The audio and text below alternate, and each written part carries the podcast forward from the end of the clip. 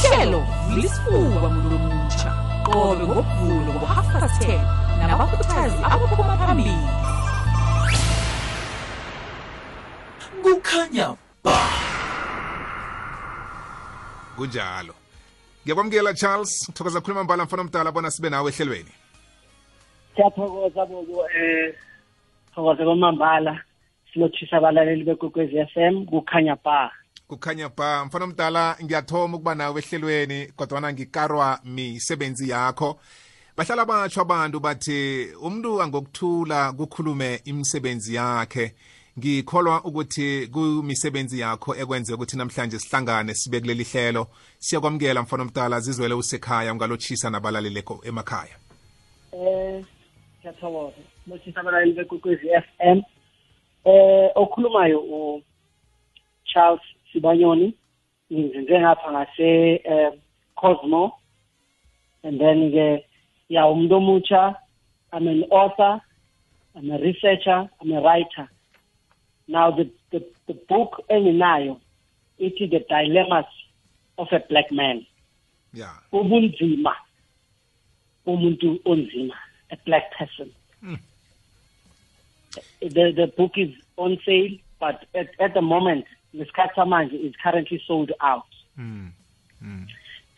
eh siyachaza ukuthi mawumuntu omusha umuntu omnyama ama chances wakho wempilo angakanani Mm. i-problem ikuphi and i-solution yini ya i- i- i- bonke lokho siyokukhuluma namhlanje kukhona in detail kunabile kule ncwadi yazwakala U- u- uyitlole nini incwadi le? Iphume nini? Eh, iphume last year 2016 around um unovember. Mm. and then ke ithathe two years. Ya. Through research. Mm. through interviews. Mm. through uh, indlela eziningi zokubuthelela ulwazi. Ya. Ya. Through studying. Mm. setting uh, uh, reading and uh, izinto eziningi ezikhona. Ulwazi lukhona emhlabeni luningi ney'ndlela zak- zokulithola lukho- lukhona mm. so i- i- incwadi is very informative. Ya njengoba ngikhuluma nayo i-feedback engiyitholayo abantu bathi sifuna i-follow up. Mm.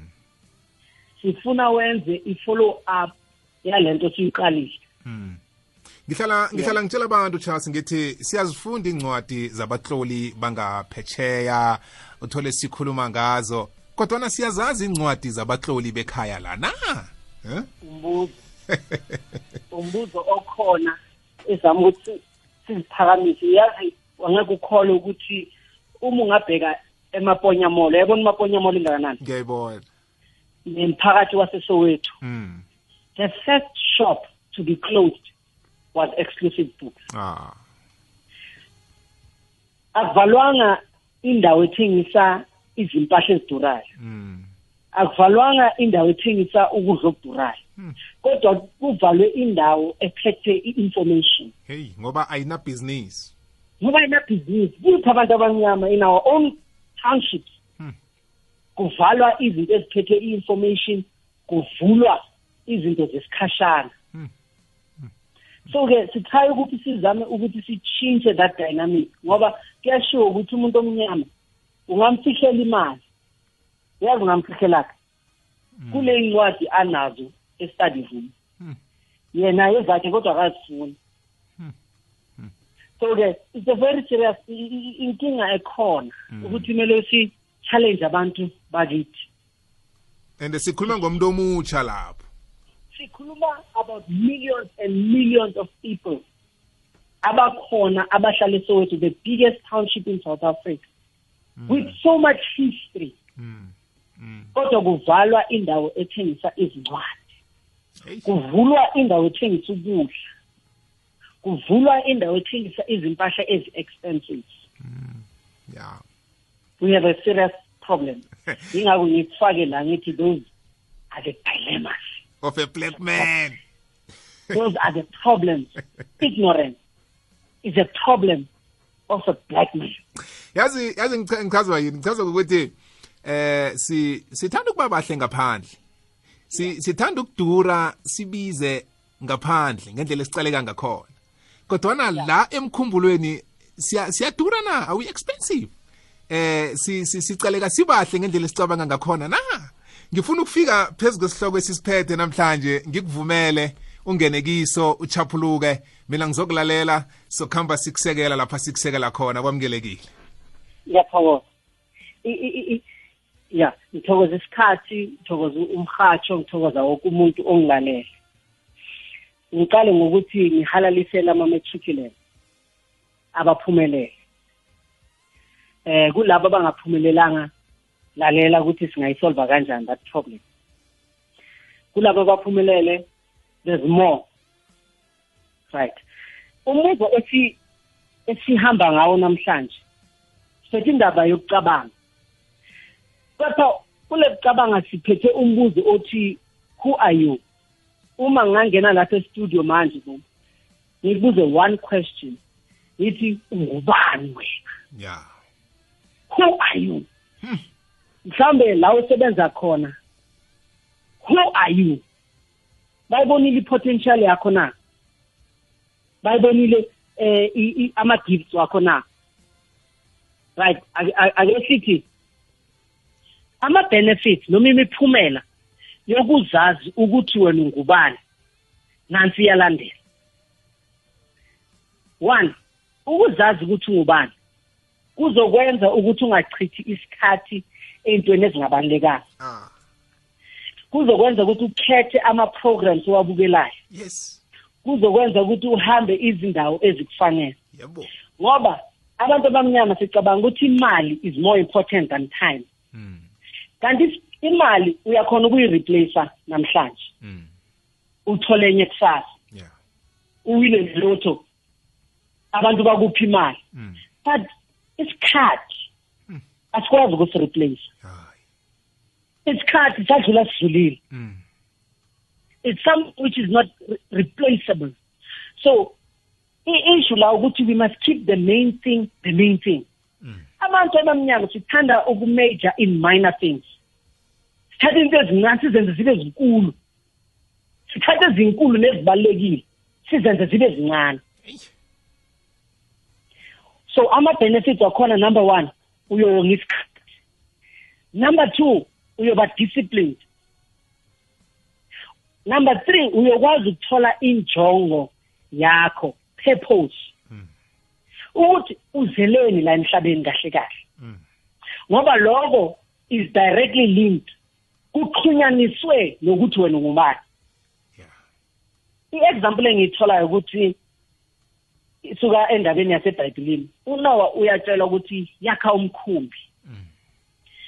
And umkhumbi lo there's an instruction ephumayo. Lo mkhumbi kumele ukuthi wakhe ngegofa wood. Mm. Bese la gofa wood uyayipenda ngaphandle nangaphakathi. You vanish the gopher wood within and without. Bese ngamaqeda ukwenza njalo. Mina ngizonisa imvuke. Ngikhaza ukuthini? Ngikhaza ukuthi eh igopher wood le bekasebenzisa is a type of food engabambi amanzi. Mm. Because it would have been a disaster ukuthi wakhe umkhumbi ngamaplanga abamba amanzi. Right. So ke uyahamba uh, that was an instruction. Utshelwa a specific material with specific measurement utshelwa ukuthi wakhe kanjani ngesiphi isikhuni umezare kanjani.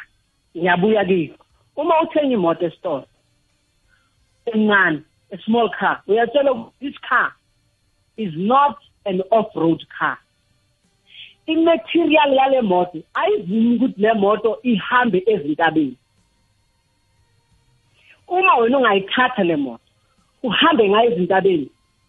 Ingamosheka because the material of the car can never sustain. Ayikwazi ukukhuphuka intaba.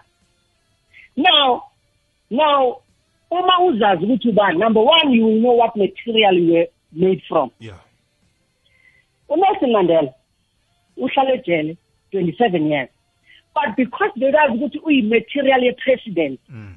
ijele could not stop the material that you are. Yes. Because you know the type of person that you are. Uyazazi ukuthi ungubani. Mm. Whatever you come across is not meant to stop you. Because in any event ayikwazi ukukuvimba ngoba the material owakheke ngayo umuntu udlula phakathi kwa thing. So ke lokho kulinki ngokuthi ungubani.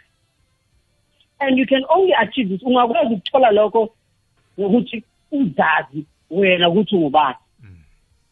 Ebhayibhelini iyavela this question. Ibabuzwa kaningi. Bathi bakabuza ngenye indlela bathi what is your name?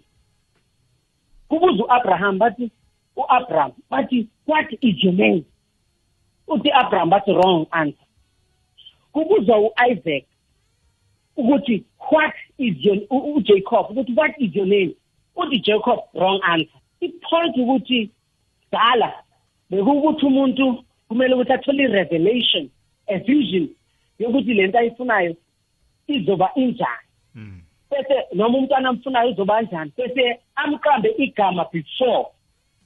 So that makafika ahambe in his purpose eh kuya kuya kuyakhulunywa ukuthi igama lalo enimlindile u-Emmanuel before afika and the material azowakhiwa ngayo iso naso naso.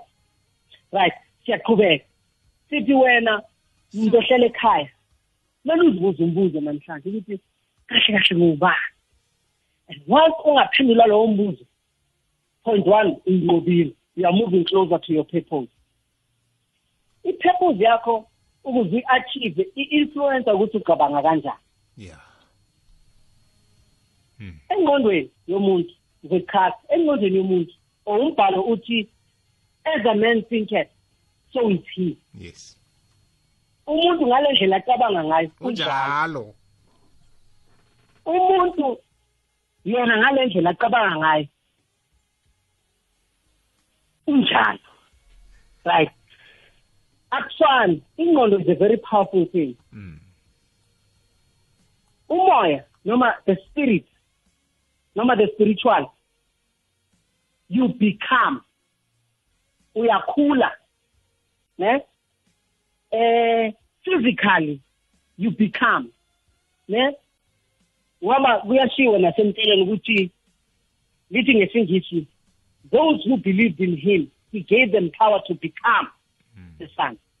Ngokuya komoya you become but with the mind you never become you are and that's a difference. Yeah. Yeah. Yeah. With the body you must become a man. With the spirit you must become somebody. Mm. but with the mind you are. There's no process of becoming. Because ingqondo ibanga lezinto ezize-future izilethe manje yeah. Yeah. Ngiyakuyizwa that's the difference. Ingqondo ekhona ukuletha i-future bright. Yile ngqondo ecabanga izinto ezi-bright. Ngiyakuyizwa kunenye ipoem ngizoyisho ngesilungu sizoloko si si si si si si sikhapha uthi lo baba makabhala uthi if you think you are beaten you are. Umuntu abanga ukuthi usul- uyisehluleki uyise. If you think you dare not you don't. Uma ucabanga ukuthi awukhoni awukhoni vele. Mm. if you but you you can't. Uma ucabanga ukuthi noma ungakuthanda kangakanani kuyi but uma ucabanga ukuthi angeke uwine angeke uwine ungabe usathoma vele. Uma ucabanga ukuthi umetric ufeyilile this year ufeyilile vele. Inzipho yeah. Iyalumeza Mm. siyaqhubeka if you think you lose you've lost. So out of this world you find success begins with the will. It's all in the state of mind. Uthi yonke into isengqondweni yeah. Yeah. Uthi if you think you are outclassed you are. Uma ucabanga ukuthi kunabantu abakuphalayo bayakuphala vele Mm. uthi this is the solution. You've got to think high to rise. Hmm. Kumele uphakamisa indlela ocabanga ngayo ukuze ukhuphuke yeah. Futhi you've got to be sure of yourself before you do anything. Kumele uzazi wena ngaphambi kokuthi wenze something. Hmm. Hmm. The last part uthi life battles don't go to the strongest or the fastest izimpi zempilo aziyi kulabo abanamandla. Mm yazi ziyakuba kulabo abacabanga ukuthi bangawina. Mm yilabo abacabanga ukuthi bangawina kungakhathalekile ukuthi isize yabo ingakanani. Mm yilabo abacabanga ukuthi bangawina kungakhathalekile ukuthi i-color of their skin injani. Yilabo abacabanga ukuthi bangawina kungakhathalekile ukuthi bafunde kangakanani. Athi ngisho ipoint lokugcina the difference between life and death. Umehluko phakathi kokuphila nokufa emntwini okukhoma umuntu olele esibhedlela okukhoma o-unconscious is not the pill that will make that person fall akusiyipilisi elizomenza phakathi but indlela acabanga ngayo. Siyaphinda umuntu olele kukhoma namhlanje esibhedlela abama- abakwazi ukumsindisa yena angakazisindisi yena self. Akusiyipilisi ipilisi lisapota nendlela wena ucabanga ngayo. Ipilisi lisapota ukuthi wena uzophola. Mm. Ipilisi alipholisi lisapota ukuthi wena uzophola. Mm. Uma wena ucabanga ukuthi uzophola uzophola vele. Ucabanga ukuthi angeke uphole. Angeke uphole vele. Why? Indlela ecabanga ngayo. Ngoba engqondweni uthi Shakespeare makabhala athi it's neither there's no darkness there's no light there's ignorance. Ignorance. Yiyo sibulalayo namhlanje. Yeah. Ungaqapheli nokungazi eh kodwa isolution nayo kukhona istudy esenziwayo noma indlela echaza something. Ukuthi ibizwa ngokuthiwa i-metamorphosis. Metamorphosis kuchaza ukuthi to move from a lower concentration ufike to the higher concentration. uShakespeare noma uAlbert Einstein uthi angeke ukwazi ukusolve iproblem. Ngalendlela ngalomqondo owakhe leyo pro- problem. Yeah. Singibe ngesingisi you can't solve the problem with a mind that created it.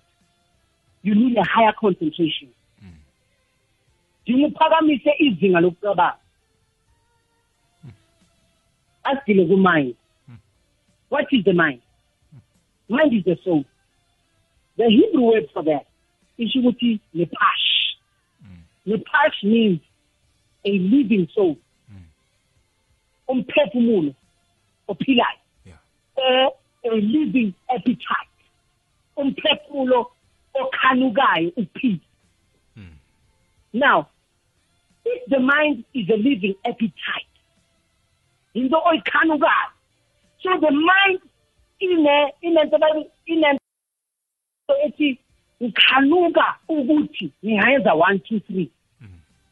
But the reason why ungayenzi because the mind is fed with wrong things. Ithi nginikeza umzekelo.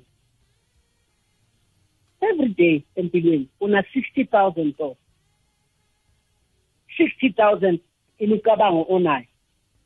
Cabanga uyaphesheya cabanga uthatha iholiday cabanga ukushada you have 60000 thoughts and if unga-acta kuyi-one ungasebenzisa eyi-one you can be the richest man. Yeah. You need a higher concentration. Mm ngoba ingqondo yona vele iyakhanuka ukuthi ake ngidle something. It's a losing appetite. Mm it's napash mm into ekhanukayo ukuthi awuthi ngidle something but it depends what you feed the mind. Because uthi omunye makabhala the mind is a battleground. Yeah. Siyayibona leyo mkhathi bambene negazi inyama mm. kukhona enye esebenza la engqondweni wakho. Ngelinye ilanga uma inkosi ivumile sizochaza ukuthi what do we mean by saying ukuthi the mind is fighting itself. Hmm. Because if ngizoyibeka ngesingisi if you cannot conquer yourself you will be conquered by self hmm. yeah. Uma ungakazi ukuthi ulwe nawe uzinqobe wena. Hmm. Ubuwena buzonqoba wena. You will be conquered by self so uma inkosi ivuma ukuthi izawuchaza ukuthi how can you find? Yazi umuntu yazi masingabeka izinto eziyi-two sithi zilo nanoma kungasisemthethweni just for ukumzekela kube nezinto eziyi-two the same size the same shape. Since zizalwa zizalwe ngesikhathi esiyi-one zadla the same food. At the same time. Everything is the same yiphi eyowina lapho. The answer is simple. Impendula ilula yile ene-attitude yokuwina Mm. ezewina it's simple. Yeah. It's not the size. It's not the size of something that is big. But it is the size of the bigness of the attitude Ah. in a person. Ah that wins the fight. yes Kuthi i-aeroplane mayosuka.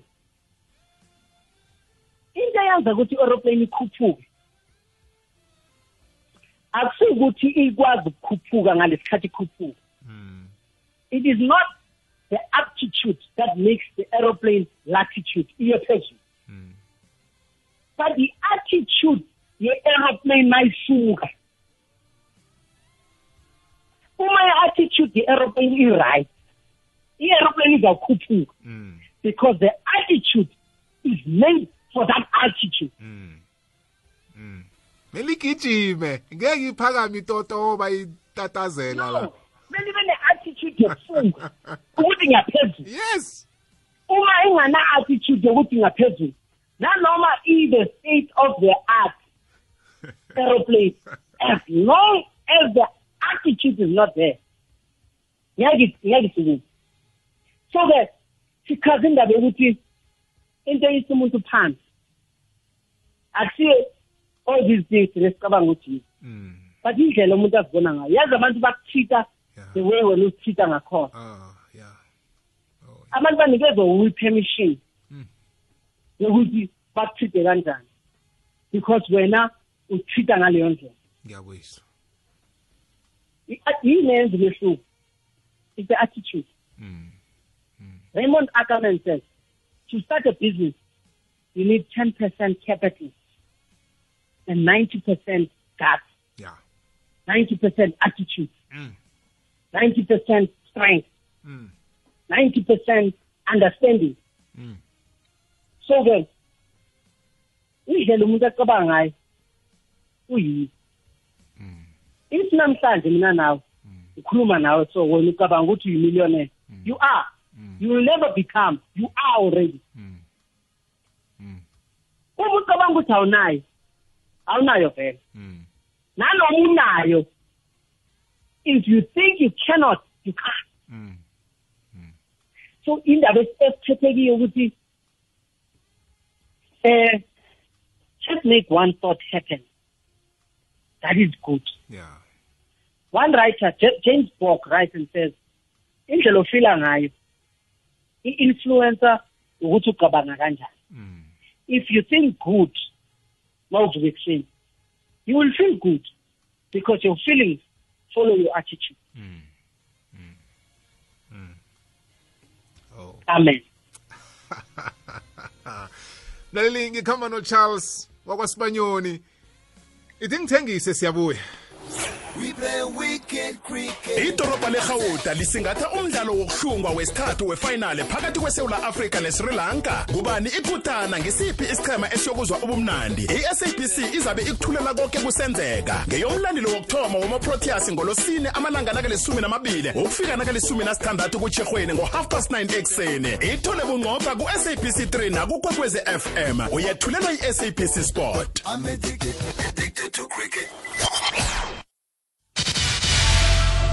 Lihlelo vulisifuba mlumutsha qobe ngokuvulo ngo-half past 10 nabakhuthazi abaphuma phambili kukhanya ba.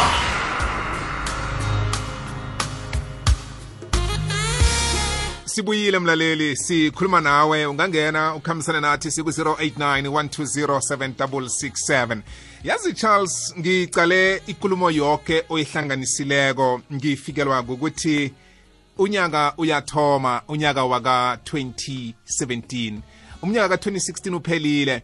Indlela ebesicabanga ngayo ku-2016 nezinto esingakakhoni ukuzifinyelela ku-2016 nasizokungena ku-2017 ngaleyo ndlela ebekade sicabanga ngayo umnyaka opheleleko.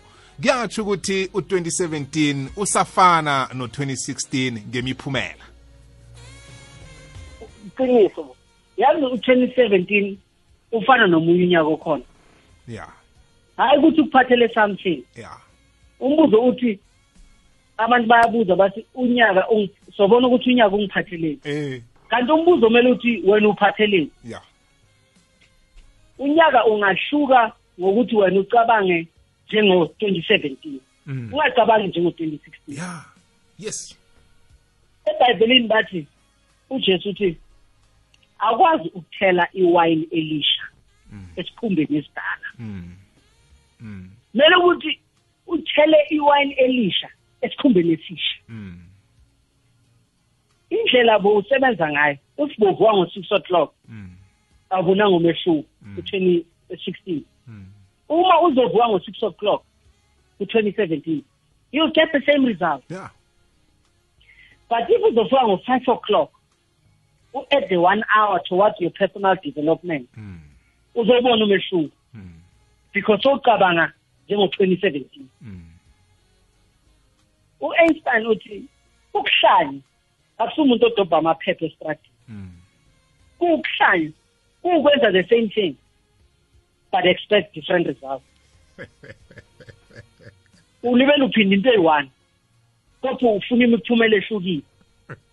Umbuzo uzothi yini oyenza ehlukile? Ezoletha imiphumela ehlukile. Ya otherwise ngokuya kwe-einstein usuke uhlahla wetha akuyingqamo kuya ngo-einstein usuke uhlanye ma wenza the same thing owayenza 2016 bethi expect ukuthi 2017 uzohluka. Ya U- u- u- mahatma gandhi uthi you must be the change. Mm. unyaka awuna change awuna change. Mm. Mm. you are the change. Ya kokugcina there's a doctor who wrote a book dr meswell miles one of my favorite doc, uh, uh, uh, specialist uh, facial specialist skin surgeon uthi what is opportunity? Hmm. And when does it knock? Hmm. Uthi it never. You can wait your whole life. Hmm. Umele ithuba lizofika. Ngeke lifike. Uthi but as soon as you realize that you are the opportunity wow. you must go and knock at life's doors. Wow. Then you will see that wena impilo ayina opportunity. Uwe kumele wenze ama-opportunities hmm. emhlabeni e-south africa imisebenzi ayisekho. Wena ungumsebenzi wena. Hmm.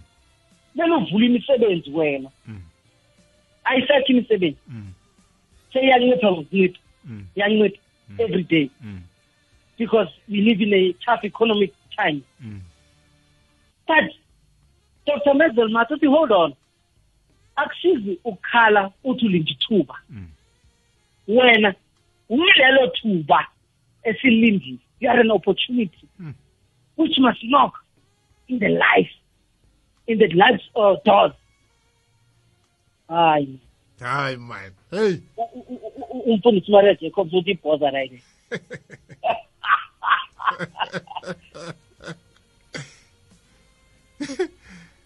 yeah. so so sihamba ngaleyo ndlela sithi ama especially ebantwini bakithi abantu abamnyama mm. stop being ignorant whatever you find to read read it yeah whatever that is information look and you will see opportunity mm. Mm. amen nasisiya kumlaleli ngifikelwa indaba yokuthi abantu bacabanga ukuthi kunabantu abahlakaniphileko eh ukudlula abanye nge nge ngezinto nangendlela ba- bababona basele bafinyelela izinto ngakhona. Bese bada abantu ababahlakaniphile bacabanga ukudlula thina thina phela imicabango yethu ayifani nayabo kodwana ngithole ipendulo ki- kilokhu ngoba nami ngikhe ngazibuza ukuthi kukhonakala njani ukuthi omunye umuntu adlule omunye ngengcondo ikhisibe ingcondo buchopho buyafana nobomunye.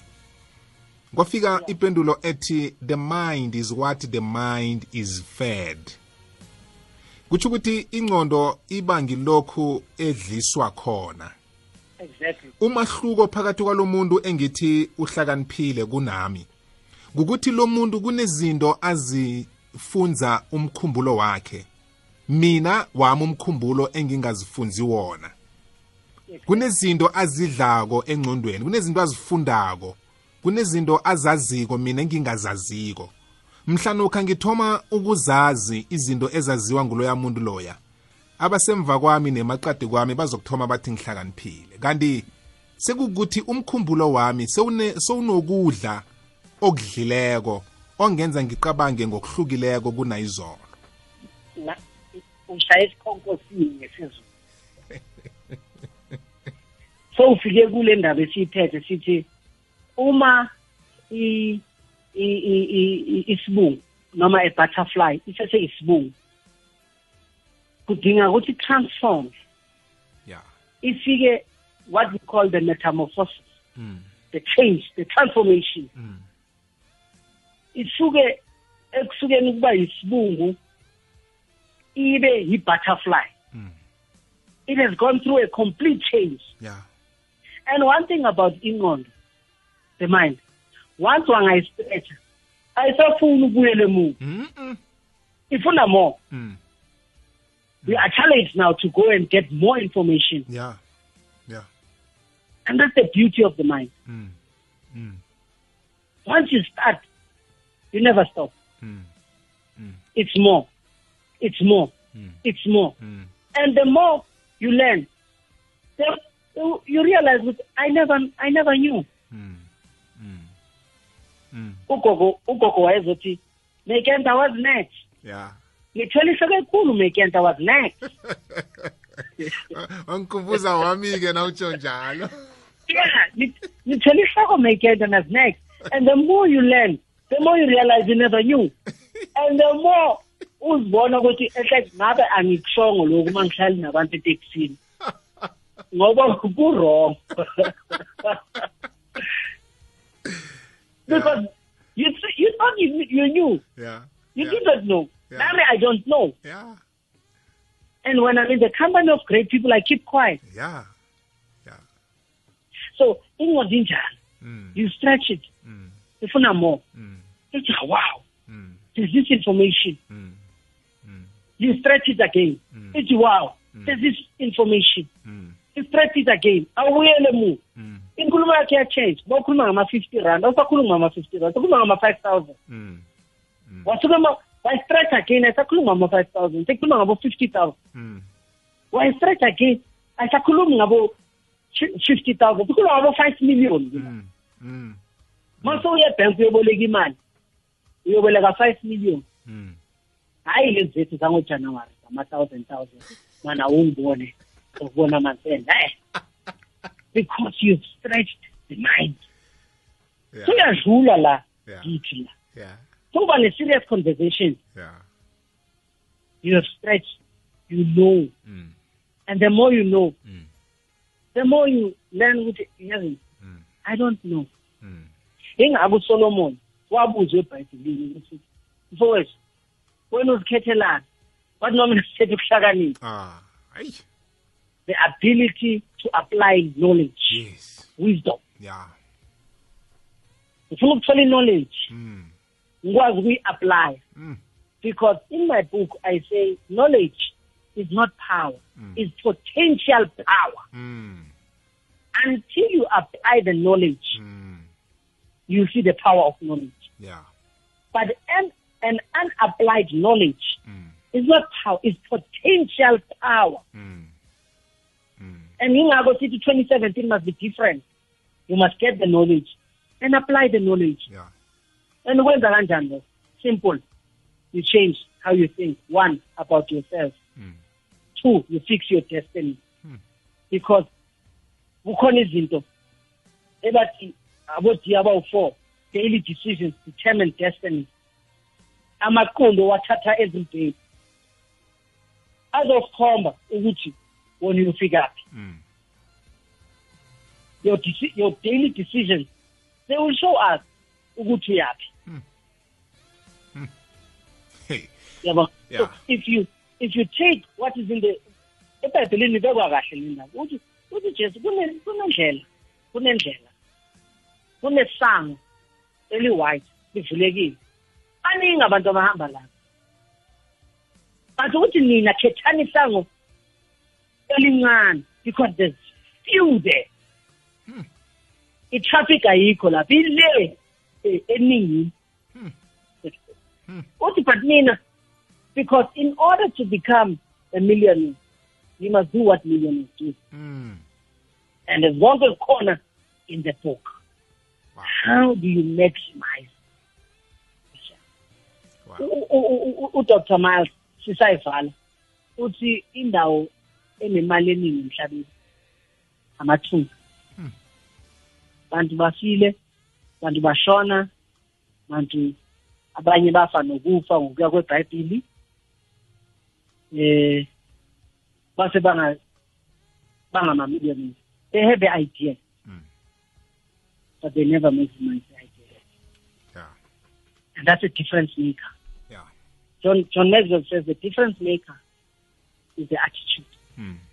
Your greatest asset, akusimali, akusiyindlu, akusiyama-property now, Mm. is your attitude. Mm. You must protect it. wow Napash.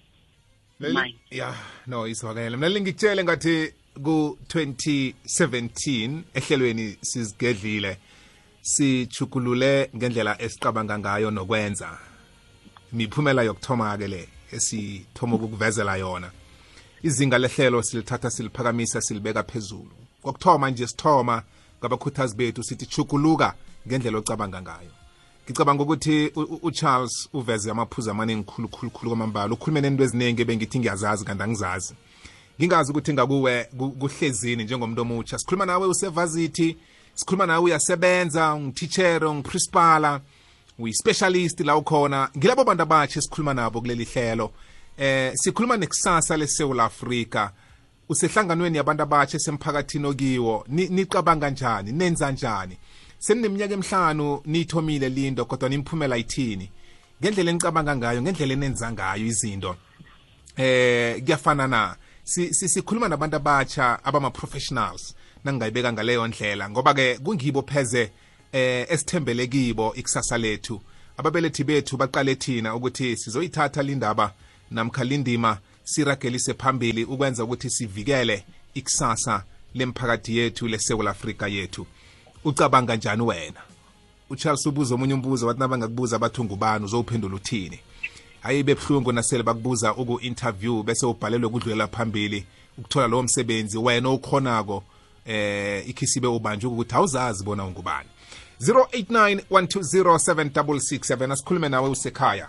Ikwekwezi siyakwamukela so semoyeni hallo right uza kubuya uza kubuya asilinga omunye godu ikwekwezi siyakwamukela Bobo, akwande? Ngena. Kamnandi kunjani? Sole mphahlele man. siyakwamukela soli mphahlele. Wow that was powerful bobo. Ya ngithuphula amagama ukuthi eh, ngendlela ucabanga ngayo kungendlela ungayo. Hey hey. Hey it remind me when i was at school utishela athi ngendlela ugqoka ngayo. Kungendlela uzirepresenta wena ngakhona. Mm mm. So manje eh, indoda le eh, uyaphosa isho ukuthi ngathi mhlambe mm.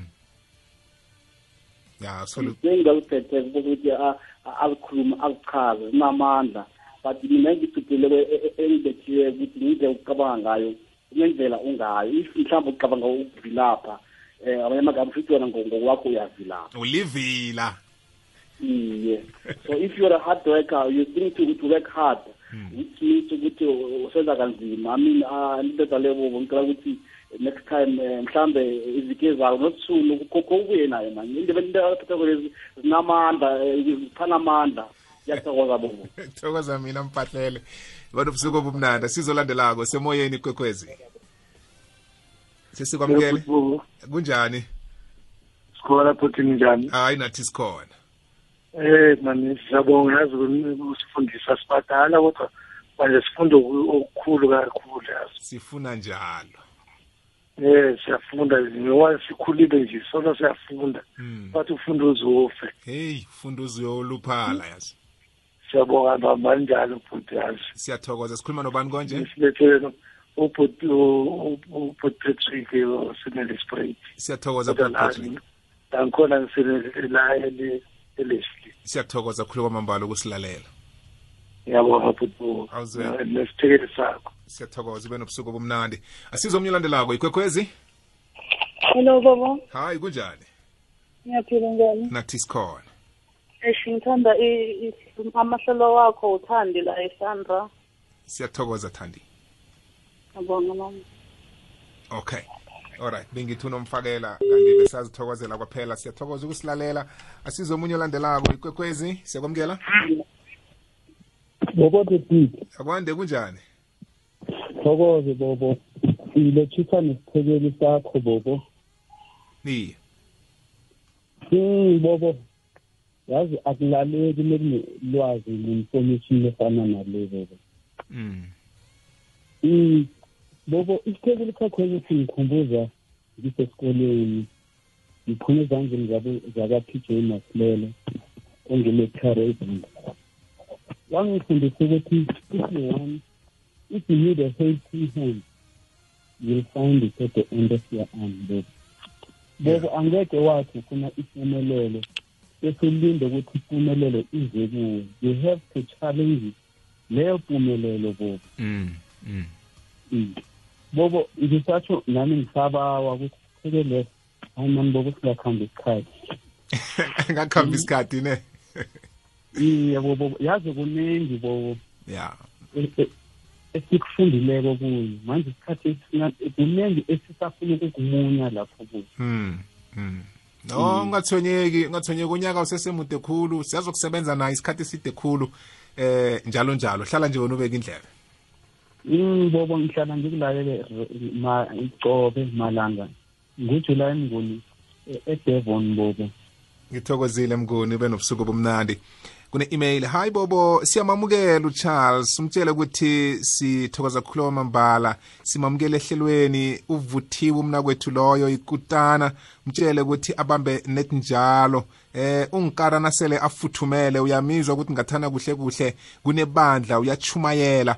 Eh uyibeka kamnandi inkulumo yakhe iyazwakala. Eh ngunhlanhla ujajas kabini evaterfal b siyathokoza na umamukelako mntwana na uzwako konke akuphetheko. Ngifuna ukuthi ngendlela akhulume ngakhona ungase uthabele ukuthi ukhulume kamnandi ukhuthazile umzwile bese uyahlala wenzi eh fanele usikime uchugulule ngoba eh imotivation ayisiyi motivation nasele ungayi-implement namkha ungayisebenzisi.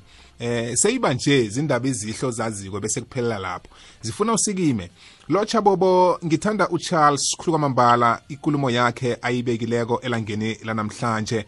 Nangendlela adzubhula ngakhona kubatloli abahlukahlukeneko yamizwa ukuthi indoda efundako le sifuna abantu abatsha abafana naye. Ukwenzela ukuthi kube nokusichallenja nathi sibabantu abatsha ukuthi lokho engizitshela ukuthi ngiyakwazi kusesekuncane khulu eh fanele ngisebenze khulu kwam- kwamambala. Yazi bobo sinenkinga yabantu abatsha. Umuntu unombono owodwa wokuthi aye esikolweni acede athole umsebenzi bese athenga ikoloyi azokuchocha ngayo elokishini azitshele ukuthi ufikile. Ah, awukafiki na unjalo usengakenzi litho kuhle kuhle ngoba sisalindele litho likhulu kuwe. Manje nasingachugulula lindlela yokucabanga ukuthi nasele ngithola umsebenzi ngithenga ikoloyi zabe ngifikile eh singalungisa izinto eziningi ngoba nje sibambeke endabeni yokuthi omunye nomunye umuntu ulilela ukuthi abe nekoloyi bese azokuthola i-status esithileko. Usengakenzi litho nakalalele i-motivation yanamhlanje ekhulunywe ngucharles uzokubona ukuthi usengakenzi litho usengakasikinyeki eh khona usathomako kuhle kuhle. Ngiyathokoza mr mthombothi ngithokozele nakucharles ngimi usibongile ngise-pretoria alright asibuyele emtatweni sisebenzele ukulisonke esikhathini esingaphesi ihliziyo ikwekwezi siyakwamukela. Hayi bobo kunjani? Kamnandi kunjani ngakuwe?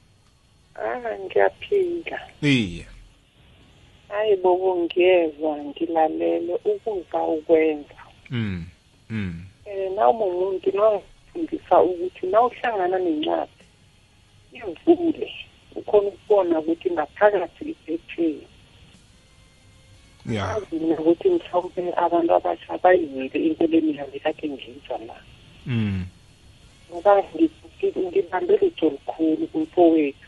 Angazi ngingathini. Mhlawumbe ngibagqugquzele ngithi antabasabukaniithatha ya. Unyaka awuthi na uqala uqale une-direction ungabi ne-direction ngo-agast or ngo-oktoba ngoba Mm. sekude la siyakhona sekuseduze la siyakhona kukude la siyakhona mm mm. Nje mina into engingayithanda kubantu abasha ukuthi yazi asibeni nje ne-focus mm hayi ukuthi nangiceda umetric ngizokuhlala ekhaya ngipholisa ingqondo ngithi hlokami eyi bekade ishisa ngiqala ama-exam ngenzani ifanele ukuthi itshise ngoba bukade usebenzisa.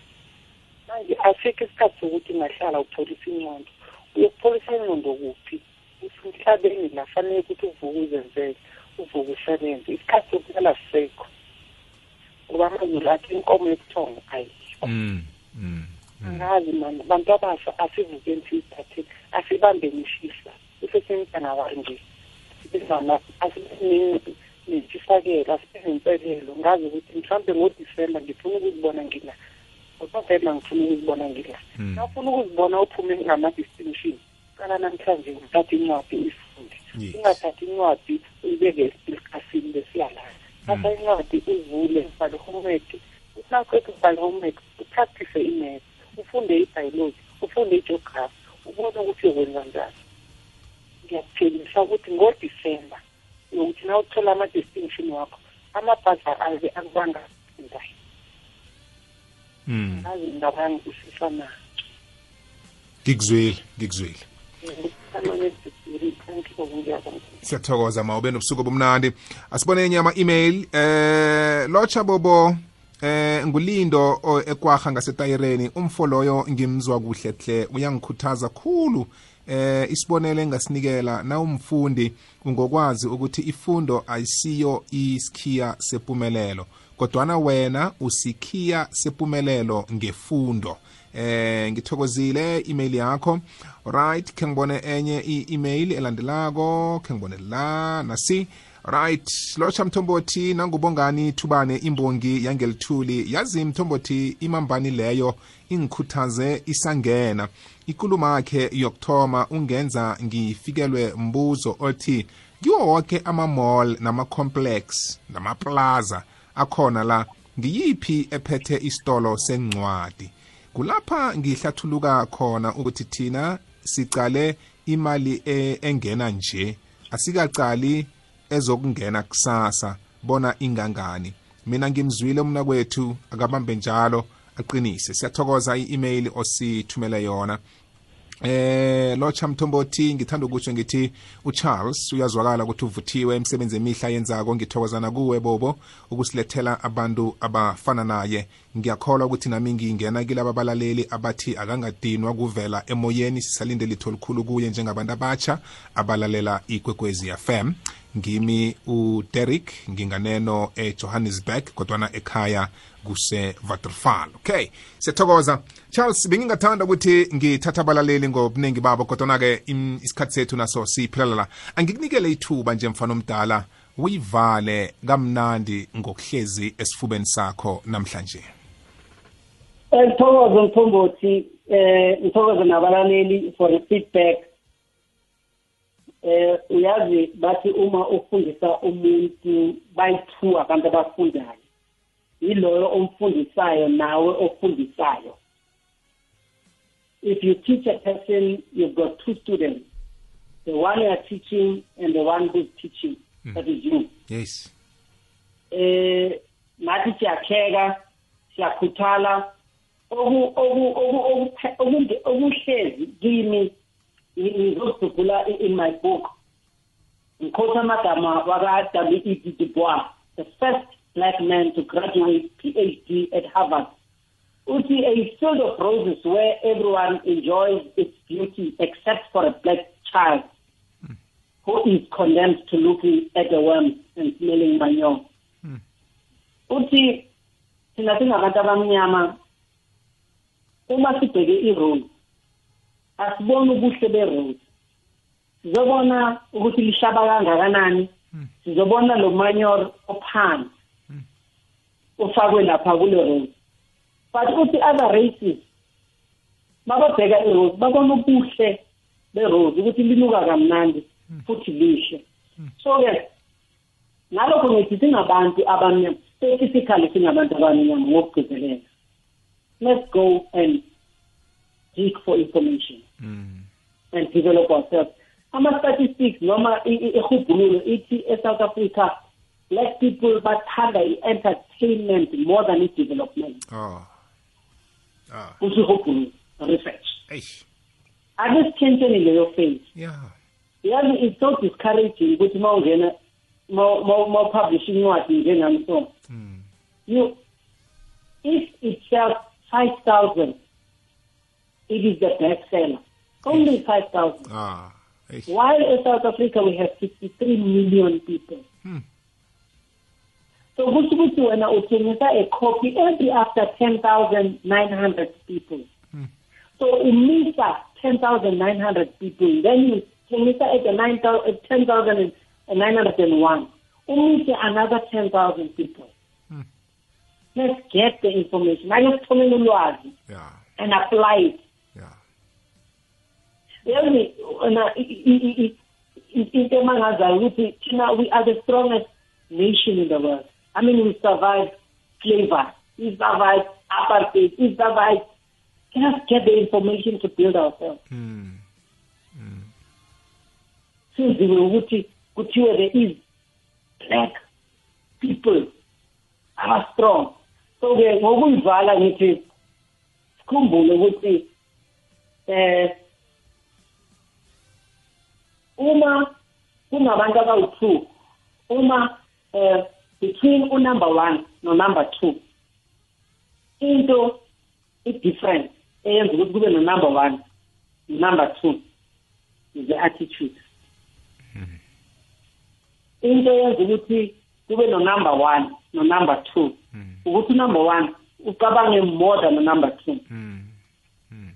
into eyenza abantu esikoleni baphathe noma bafeyile abaphatha ngo-ninety nabaphatha ngo-hundred nabaphatha ngo-eighty. Bafunde ngokufana but i-attitude yabo ma bavuka ekuseni bayebhasi Mm. that's the that's it. That is that determining factor. So ake sikhuphuleni indlela esicabanga ngayo. Mm. indlela esicabanga ngayo izokhuphula impilo yethu. Mm. amen. Mfana omdala bakuthola phi nabakufunako kuma-social media mhlambe kuma-contacts nabafuna ukuthindana nawe nabafuna ukukubiza kuma-seminars enkolweni emabandleni njalo njalo? Yayi ithomoti njengendoda yendebele. Eh hey sebhale enyaweni. Yona ngiyo mari bhale enyaweni. Inamba yami ithi o seven nine two four five. Three one one zero.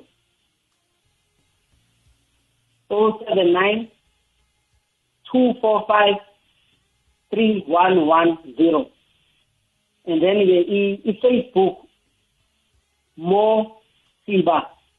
M o siba. And then ke yeah twitter nako-instagram akakabhikisisayi yona sibhale enyaweni nje mara yona ngiyo ungikarana ne yona ngiyo nethi sibhale enyaweni nje ukuthi Yeah. ama-social media amanye la. Eyi sisaya khona sofile hayi nakunenomboro kuphelele konke. Yeah. Wathi ugogo wathi ngekeni kade mina ngimvula nami. namahlayo nawo kanti bengazi. Khamba kuhle mfana omdala ngithokozile uzima kwandisele konke yezwa?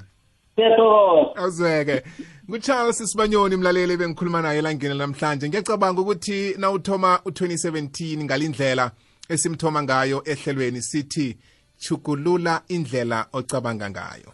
Angekho umkhone u-2017 usacabanga njengo-2016 eh ziningi izinto emele uzichugulule angekho umkhono u-2017 usabuthelele abangani abakwenze ukuthi uhluleke ku-2016 angekhe umkhono u-2017 eh nawusasebenzisa isikhathi sakho ngendlela obusebenzisa isikhathi ku-2016 thandile ikulumo yanamhlanje mlaleli. Ngilokho esihlala sikwenza ehlelweni elithi sizigedlile nasithi vula isifuba mntu omutsha nabakhuthazi bethu ngokuhlukahlukana kwabo